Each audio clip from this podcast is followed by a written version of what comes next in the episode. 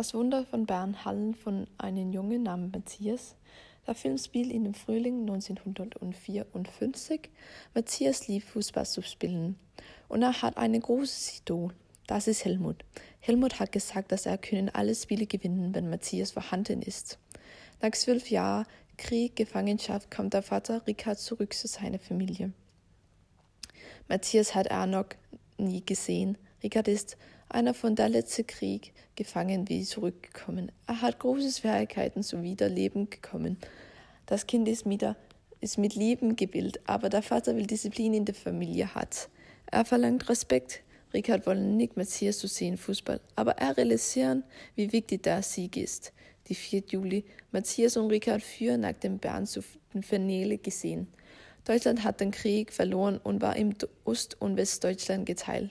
USA England und Frankreich besitzen Westdeutschland und die Sowjetunion besitzt Ostdeutschland.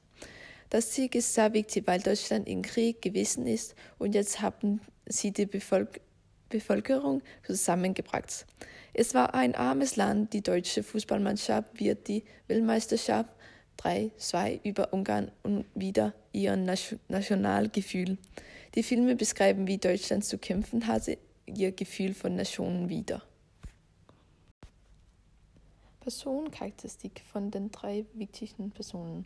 Matthias Lubanski. Er ist ein lieber, schüchterner Junge, der den Fußballspieler Helmut Rahn sehr bewundert und mit ihm befreundet ist. Er selbst spielt nur schlecht Fußball. Matthias sieht in Helmut Rahn eine Vaterfigur, weil er seinen Vater nie getroffen hat. Als sein Vater dann aus dem Krieg nach Hause zurückkehrt, fällt es Matthias schwer, seinen Vater glücklich zu machen. Es ist mehr erregend, weil sein Vater ihn nicht so akzeptiert, wie er ist. Matthias wechselt im Laufe des Films, wird offener für seinen Vater und gewinnt mehr Selbstvertrauen, was dazu beiträgt, eine stärkere Bindung zwischen ihnen aufzubauen.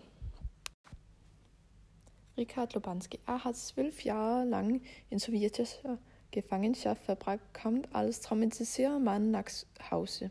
Er hat große Schwierigkeiten, sich wieder in das alte Leben zu integrieren mit seinen Kindern, hat er anfangs fast nur Konflikte. Richard hat es wirklich schwer aus dem Krieg nach zu Hause kommen und ist ein bisschen wie ein Fremder in seiner Familie. Er glaubt, dass ihnen Dinge wie Disziplin und Ordnung fehlen. Es ist jedoch so lange, bis ihm klar wird, wie viel die Familie entbeint hat, während er im Krieg war.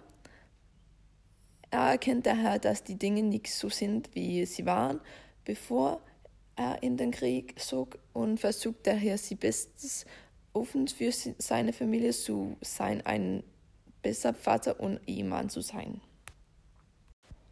Helmut Rahn Leben lustig und sympathisch für Matthias. Er ist ein Ersatzvater.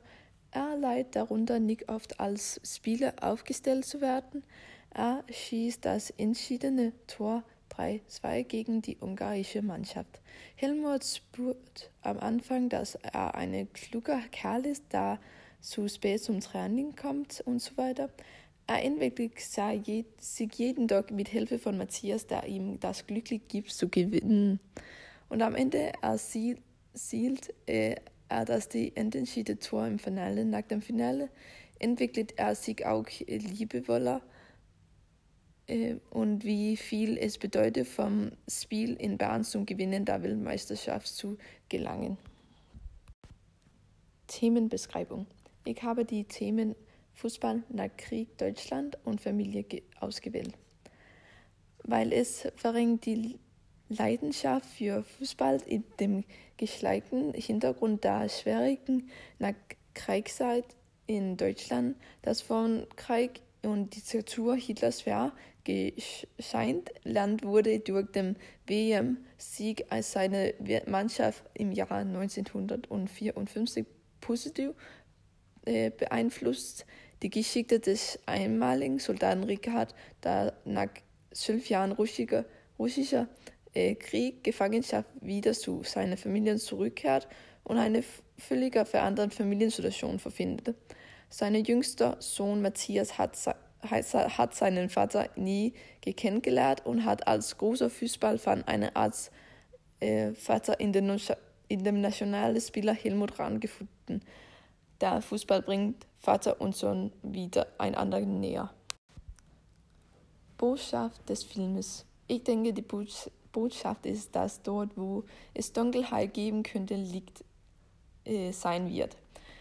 Deutschland ist also nach dem Krieg ein bisschen im Dunkeln, aber in Wunder macht er macht alles heller. Das gleiche gilt für den Familie Lubanski. Zunächst sieht alles etwas dunkel aus, aber mit Zeit da wird es immer besser. Ich finde den Film sehr gut, weil ich denke, es gibt ein wirklich aufgerendes Bild von der Kriegszeit und wie schwer es für die Gesellschaft und eine Familie ist. Ich gebe den Film vier von fünf Sternen.